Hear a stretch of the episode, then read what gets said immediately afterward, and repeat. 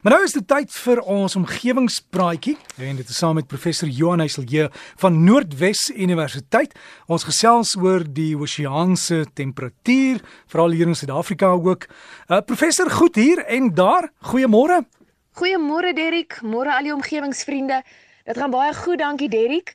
En soos jy gesê het, vanoggend gesels ons oor oseaantemperature en dit kom vanaf 'n vraag van een van ons omgewingsvriende, Hein Haiman, wat vertel hulle vang al vir jare vis in Mosambiek, noord van Maputo, maar het hierdie jaar vir die eerste keer bykans geen vis gevang nie. En hulle skryf dit toe aan laer temperature van die oseaanse water. Nou die navorsing wys vir ons dat die see se temperatuur eintlik ook besig is om te styg, net soos die gemiddelde wêreldlugtemperatuur ook styg. Die stygings in die see temperatuur is basies 'n spieelbeeld van ons atmosfeer in so 'n mate dat die FSA se omgewingsbeskermingsagentskap hierdie stygings in die oseaanse temperature lys as een van die klimaatsverandering aanwysers. So As die gemiddelde watertemperatuur dan al hoe warmer word, hoe kan dit dan sin maak dat die water nou op sekere plekke kan kouer wees? En indien so, waar kom hierdie koue water dan vandaan? Weet ek so eerstens, as ons praat oor klimaatsverandering of die verandering in die oseaanse temperature, dan moet ons onthou dit gaan om die gemiddelde effek, alhoewel daar maar altyd uitsonderings sal wees. So, ons moet versigtig wees om gemiddeld en die afwyking van die gemiddeld te verwar. En dit gebeur ook waar mense sê kyk hoe koud is dit nou in Europa, een van die koudste winters nog. So hoe regverdig mens dan die toename in wêreldtemperature? Ja, dis 'n goeie voorbeeld Derrick van waar mens nie die gemiddelde effek en die afwyking van die gemiddeld moet verwar nie. So ten spyte van hierdie koue in Europa, is die gemiddelde wêreldwye temperatuur steeds drasties aan die styg. Nog so 'n voorbeeld is die stygings in seevlakke wat glad nie eweredig oor die wêreld plaasvind nie. So alwys die gemiddeld dat die seevlakke styg, kan die seevlakke in sekere gebiede selfs daal.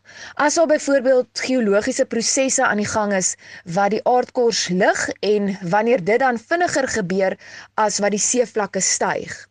En dieselfde geld dan ook vir oseaantemperature. So as gevolg van veranderende wind en seestroompatrone kan daar dus ook gebiede wees waar seetemperature daal ten spyte van die gemiddelde toename van die wêreld se oseaantemperature. Maar vir meer inligting oor die Suider-Afrika se see temperature, het ek gaan aanklop by ons kollegas van die Universiteit van Kaapstad se Oseanografie departement en hulle het vir my bietjie meer inligting gegee oor die temperature rondom Suider-Afrika en wat gebeur het oor die afgelope paar jare in terme van ons see temperature. Nou dokter Neil Malan is hier die kenner Sedert hy sy doktorsgraad op die gebied voltooi het onder leiding van professor Chris Reason en die kollegas van die Suid-Afrikaanse Omgewingswaarnemingsnetwerk en ook die Raad vir Wetenskaplike en Nywerheidsnavorsing. Nou tans is Dr Malan 'n navorsingsgenoot by die Universiteit van Sydney in Australië waar hy nou nog steeds sy navorsing voorsit en hy vertel die suidkus is eintlik 'n baie interessante maar 'n komplekse streek. Aangesien dit aan die een kant begrens word deur die Agulhas-stroom wat een van die grootste en die sterkste vloeiende strome in die wêreld is en dan warmwater afvoer vanaf die Indiese Oseaan. En dan aan die ander kant het die suidkus sy eie stel dinamika wat deur plaaslike winde en strome gedryf word. En dit is dan nou juis hierdie plaaslike winde wat dan nou die grootste invloed op die watertemperatuur het.